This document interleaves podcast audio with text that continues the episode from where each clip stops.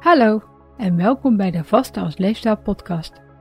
Mijn naam is Amanda Kortman, ik ben gewichtsconsulent en omdat er zoveel slechte informatie over vasten verspreid wordt, hoop ik het met deze podcast zo te verduidelijken dat voor iedereen kan werken. Je vast wanneer je langer dan 12 uur niks neemt wat vaste stopt, dus is makkelijker dan je denkt.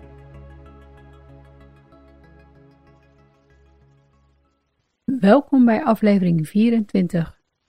In deze aflevering ga ik het hebben over het belang van slaap op je gezondheid en het effect dat vasten hierop kan hebben. De studies over vasten en slaap hebben wisselende resultaten, maar veel vasters merken toch een verschil. Zo kan je als vaster tijdelijk slechter slapen, maar op lange termijn merken velen dat hun slaap juist verbetert. Dit kan direct en indirect met vasten te maken hebben. We slapen als volwassenen gemiddeld 8 uur per nacht. En zolang dit niet meer dan een uurtje langer of korter is en je uitgerust wakker wordt, wordt het als een goede nachtrust gezien. We zijn dus zo een derde van onze dag en onze nachtrust kwijt. Maar waarom slapen we nou eigenlijk? Deze vraag houdt ons al eeuwen bezig en er zijn een aantal theorieën, maar de wetenschap is er eigenlijk nog niet helemaal over uit. De hoofdtheorie is dat slapen ervoor zorgt dat er als het ware een onderhoudsbeurt in ons lichaam plaatsvindt. Zo herstellen organen en spieren en krijgen je hersenen de kans om alle indrukken van de vorige dag te verwerken. Wetenschappers zien er ook dat mensen die te weinig, maar ook te veel slapen, een grotere kans hebben op onder andere hart- en vaatziekten, diabetes type 2 en overgewicht. Slaap je voldoende, dan heb je weer een kleinere kans op deze welvaartsziekte. Te weinig slapen zorgt ook voor een afname van het verzadigingshormoon leptine en een toename van het hongerhormoon ghreline, waardoor slechte slapers gemiddeld meer eten en zich ook sneller overeten. Ik denk dan ook dat iedereen wel het gevoel van extra trek kent als je weer eens een te korte nacht hebt gehad. Ik slaap al jaren slecht door mijn hernia's en ik merk dat extra slechte nachten het vasten de volgende dag net even iets moeilijker maken. Ik moet er dan ook echt op letten dat ik niet ga stoepen tijdens mijn eettijd. ook als gewichtsconsulent die al jaren gezond eet, krijg ik nog wel eens lekkere trek. Het lijkt er dus op dat we slapen om fysiek en mentaal te herstellen. En slechte nachten zorgen ervoor dat je je doodmoe voelt, sneller humeurig bent en de kans op depressie is ook hoger. Zelfs je weerstand gaat omlaag doordat je immuunsysteem verstoord raakt. Hiernaast kan je je slechter concentreren, werkt je geheugen minder goed en gaat je reactiesnelheid omlaag. Uit testen blijkt zelfs dat mensen met een slaapgebrek even slecht rijden als iemand die twee glazen alcohol heeft gedronken. Je kan dan dus echt slaapdronken zijn en hier gebeuren regelmatig ongelukken door. Goed slapen is dus erg belangrijk, maar onze stressvolle leefomgeving kan het ons erg moeilijk maken. Lig niet te piekeren over iets, dan lig je wel te Netflix op de bank om even te relaxen. En dat even wordt makkelijk één uur s'nachts. En enkele keer is dat geen probleem. Maar bij velen gebeurt het haast dagelijks. En dat is toch echt een probleem als je wekker zes uur later gaat. In die zes uur tijd heb je hooguit drie tot vier keer een slaapcyclus. En de meerderheid heeft toch echt behoefte aan eentje extra. Je hebt het woord slaapcyclus ongetwijfeld wel eens gehoord. Maar velen weten niet precies wat het inhoudt, dus ik zal het even kort uitleggen. Gedurende de nacht herhaal je tijdens de slaap vijf slaapfases die in totaal 90 tot 120 minuten duren. En deze slaapfases bij elkaar nemen ze één slaapcyclus. Zijn je slaapcycli lang, dan heb je er vier als je acht uur slaapt. Zijn ze kort, dan zou je er vijf in diezelfde tijd hebben en waarschijnlijk na zo'n 7,5 uur wakker worden. Ik zal de slaapfases ook even kort uitleggen. En dan snap je ook gelijk waarom je s'nachts op sommige momenten heel erg makkelijk wakker wordt en op andere van heel diep moet komen. En het liefst je snoesknop tien keer indrukt. Iets wat natuurlijk altijd afgeraden wordt, omdat de hazenslaapjes die je daardoor krijgt je alleen maar vermoeider maken. Bij de eerste fase ben je op het randje van de slaap en ben je half wakker en half in slaap. De spieractiviteit vertraagt en soms trek je spieren even kort en schokkend samen. Dit noemen ze een slaapstuip. De eerste fase duurt een paar minuten. Bij fase 2 slaap je licht en zullen je ademhaling en hartslag vertragen. Dit duurt ongeveer een half uur en op dit moment kan je dan makkelijk wakker worden. Bij fase 3 ga je over in een diepe slaap en deze fase wordt vaak samengevoegd met fase 4.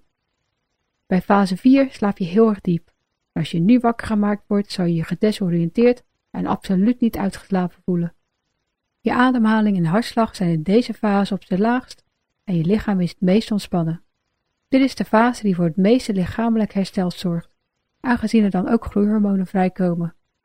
Deze fase wordt naarmate je langer slaapt per cyclus korter. Naarmate je ouder wordt verkort deze fase, waardoor ouderen door de jaren heen steeds minder verfrist wakker worden. Bij fase 5 ga je in de remslaap en deze wordt per cyclus juist langer. Tijdens deze fase droom je, en het wordt dan ook wel de droomfase genoemd. We dromen waarschijnlijk om alle informatie van de dag ervoor te verwerken, maar de wetenschap is er nog niet helemaal over uit. REM is de afkorting voor Rapid Eye Movement.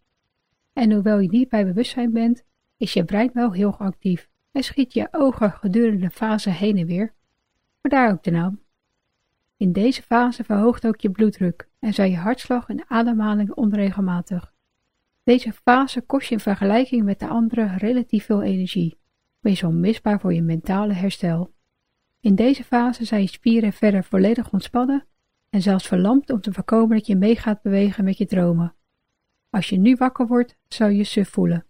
Maar kan je ook even last hebben van de zogenaamde slaapverlamming en zou je dus niet kunnen bewegen.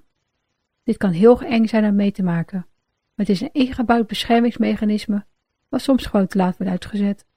Na deze laatste fase word je onbewust heel even wakker en check je lichaam of je omgeving veilig is en of je niet bijvoorbeeld naar het toilet moet. Heeft je lichaam nog behoefte aan slaap en is alles in orde? Dan start je weer bij fase 1 en dan hou je de fase zodat je echt wakker wordt of wakker gemaakt wordt. Als je licht te slapen bent of gewoon een slechte nacht hebt, dan zal vooral het moment tussen fase 5 en 1 het moment zijn dat je wakker wordt. Zoals ik in het begin van deze aflevering al zei, kan je als beginnende vaste last krijgen van slaapproblemen. Je kan een aantal oorzaken hebben.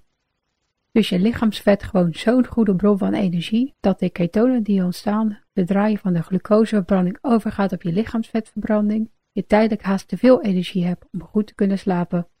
Dit kan er ook voor zorgen dat je erg vroeg wakker wordt en daardoor een slaapcyclus mist. Dit duurt zelden langer dan een paar weken, maar als je ADF uitprobeert, dan kan het weer een tijdelijk probleem worden. Wisselen naar MADF kan dan helpen.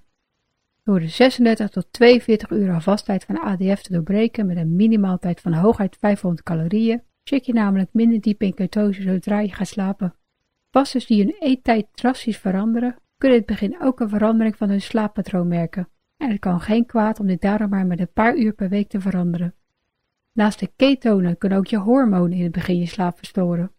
Zo kunnen noradrenaline en cortisol op het verkeerde moment omhoog gaan, zodat je lichaam nog niet aan het vasten gewend is en het onrustige gevoel wat dan ontstaat voor je paar slechtere nachten bezorgen.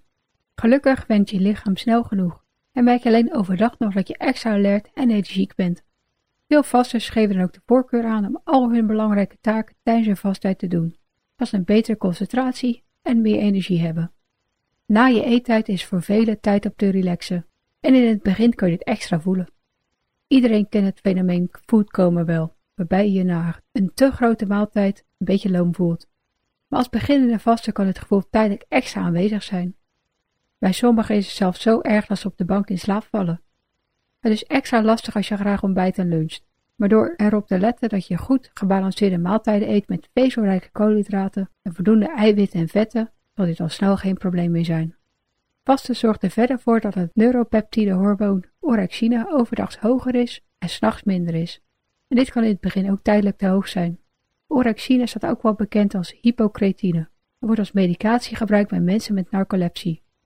Doordat ze een tekort hebben aan dit belangrijke hormoon, blijven ze overdag erg moe en kunnen ze zo mee slaap vallen. Iets wat tot levensgevaarlijke situaties kan leiden. Voor zover ik weet zijn trouwens nog geen studies naar vaste narcolepsie gedaan, maar er zijn vasters met narcolepsie die merken dat ze minder klachten hebben.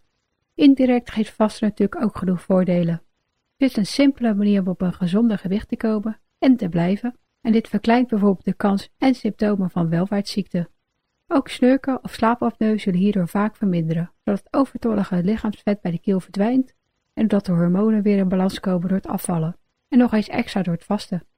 Vasten werkt ook ontstekingsremmend en energieverhogend, waardoor je overdag meer fut hebt om aan je gezondheid te werken, en daar zou je op lange termijn ook beter door gaan slapen.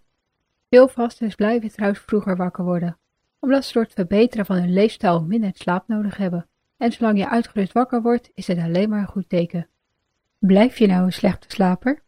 Dan kunnen deze algemene slaaptips vaak helpen. Allereerst is het belangrijk dat je slaapkamer een geschikte plek is om te slapen. De meesten slapen het best in een rustige, donkere en comfortabele omgeving. Dus zorg ervoor dat s'nachts niet alleen stil is, maar ook dat je goed verduisterende gordijnen hebt en dat er geen felle alarmklok op je nachtkastje staat. Je telefoon kan je ook beter niet meenemen naar je slaapkamer, want naast dat het ervoor zorgt dat je brein nog extra actief blijft, aangezien je snel geneigd bent om nog even snel je sociale media, e-mail of het nieuws te checken, kan het felle licht van je scherm er ook voor zorgen dat je moeilijk in slaap valt. Hetzelfde geldt natuurlijk voor tablets en televisies. Overdag wil je juist wel veel licht zien, zodat je interne klok, die altijd net iets langer loopt dan 24 uur, weer gelijk gezet wordt. Altijd rond dezelfde tijd eten en dan het liefst als het nog licht is, helpt ook bij het bijstellen van je interne klok. Net als, ja, ik weet dat dit heel saai is, altijd rond dezelfde tijd naar bed gaan. En, s ochtends ook weer opstaan. Dus ook in het weekend. Het hebben van een vast avondritueel helpt hier ook bij. Dan weet je lichaam namelijk dat je wil gaan slapen en activeert het alvast de benodigde processen. Zo ga ik altijd rond dezelfde tijd naar bed en dan ga ik eerst mijn kleding voor de volgende dag klaarleggen, dan mezelf omkleden, mijn tanden poetsen en dan nog een boek luisteren tot ik ontspannen genoeg ben om te gaan slapen. Om te kunnen ontspannen is het belangrijk dat je slaapkamer en bed comfortabel zijn. Je slaapkamer op de juiste temperatuur hebben is dan ook een belangrijk punt. Een temperatuur tussen de 15 en 21 graden is voor de meesten ideaal. En wat jouw favoriete temperatuur is, is natuurlijk heel erg persoonlijk en onder andere afhankelijk van je dekbed, nachtkleding en soort matras. Je wilt het warm genoeg hebben om comfortabel in slaap te kunnen vallen. Maar het moet niet zo warm zijn dat je halverwege de nacht banend in het zweet wakker wordt. Je lichaamstemperatuur is s'nachts het laagst en daarom is een warme slaapkamer vaak niet bevorderlijk voor je nachtrust. Je matras en kussen zijn natuurlijk ook erg belangrijk, zodat je comfortabel kunt liggen en echt kan ontspannen tijdens je slaap. Wat dat voor jou is, is hier natuurlijk ook weer heel persoonlijk. Naast de hoofdkussen kunnen een kussen onder of tussen je knieën en een zijslaapkussen een fijne toevoeging zijn. Frisse lucht is ook belangrijk zodat je slaapkamer niet te muf wordt. Dus slapen met je raam op een kiertje of het ventilatierooster open kan een groot verschil maken. Het nemen van magnesiumcitraat net na je avondmaaltijd is ook aanrader. Dus niet alleen goed voor je vochtbalans en darmwerking, maar helpt het ook bij het ontspannen van je spieren en veel mensen slapen er beter door. Om diarree te voorkomen wordt een maximale dagelijkse dosering van 250 microgram aangeraden. Een andere belangrijke tip, die je waarschijnlijk wel verwachtte, is om na 12 uur s middags koffie met cafeïne te vermijden. Drink je smiddags of s avonds toch nog graag een bakkie? Dan kan je beter overgaan op cafeïnevrije koffie. Drink dan ook niet te veel groene of zwarte thee. De theïne die daarin zit is ook cafeïne. Sommige mensen krijgen zelfs last van chocolade. Dat komt waarschijnlijk eerder door de hoeveelheid suiker die erin zit dan door het stofje theobromine, die een vergelijkbaar effect heeft als cafeïne. De hoeveelheid is zo klein. Te veel suiker kan je dus ook uit je slaap houden, maar dat is sowieso niet gezond. Naast dat het funest is voor je tanden, is het natuurlijk ook niet bevorderlijk voor je taille. Het beroemde slaapmutje is trouwens ook geen goed idee. Alcohol zorgt er misschien wel voor dat je makkelijker in slaap valt. Het maakt je slaap ook minder diep en korter, waardoor je uiteindelijk slechter slaapt. Als laatste wil ik sporten en bewegen nog even benoemen. Onderzoeken zien namelijk keer op keer dat mensen die voldoende bewegen beter slapen. Vooral in combinatie met buiten zijn. Dus of je nou wel of geen sporter bent, het kan helpen om tijdens je middagpauze een blokje om te doen. In mijn blog Slaapproblemen kan je nog meer slaaptips vinden. En ik eindig dit deel met de middelen waar je mee moet opletten. Zo worden kruidensupplementen en theeën en melatonine vaak aangeraden, omdat het natuurlijke middelen zijn maar dat betekent natuurlijk niet dat ze gelijk veilig of geschikt voor je zijn. Allereerst troppen kruiden, ook in theevorm, natuurlijk het vaste aangezien ze onder voedsel vallen. Wil je ze toch graag nemen? Gebruik ze dan als afsluiter van je eettijd.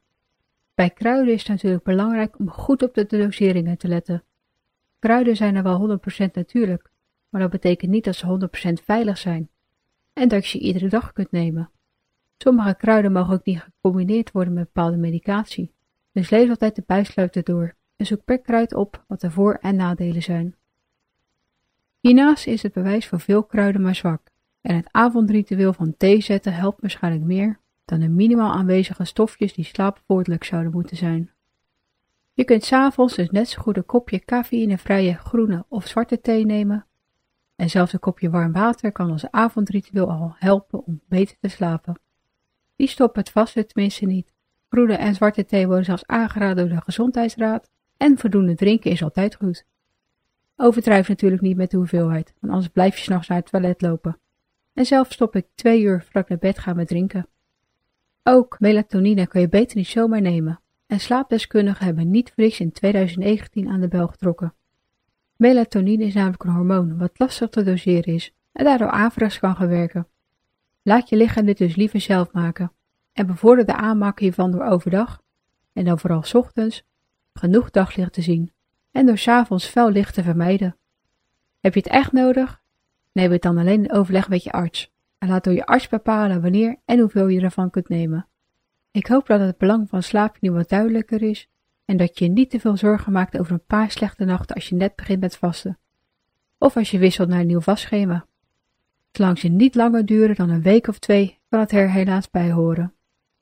Duur ze langer en denk je dat het door het vasten komt, kijk dan eens of het helpt om je avondmaaltijd aan te passen of om je eettijd te verschuiven. Tijdelijk korter vasten en het dan extra rustig opbouwen kan ook helpen. Er zijn trouwens genoeg vasten die nergens last van hebben, of die binnen een paar dagen alleen maar beter slapen, en anderen merken totaal geen verschil. Toen ik eenmaal door de gewenningsfase heen ging, heb ik ongeveer een week last gehad van heel onrustige nachten. En nu merk ik vooral dat ik overdag minder last heb van slechte nachten. Dus dat scheelt weer. In aflevering 25 ga ik het hebben over waarom vasten zelf geen dieet is, hoe je het wel kunt gebruiken om af te vallen.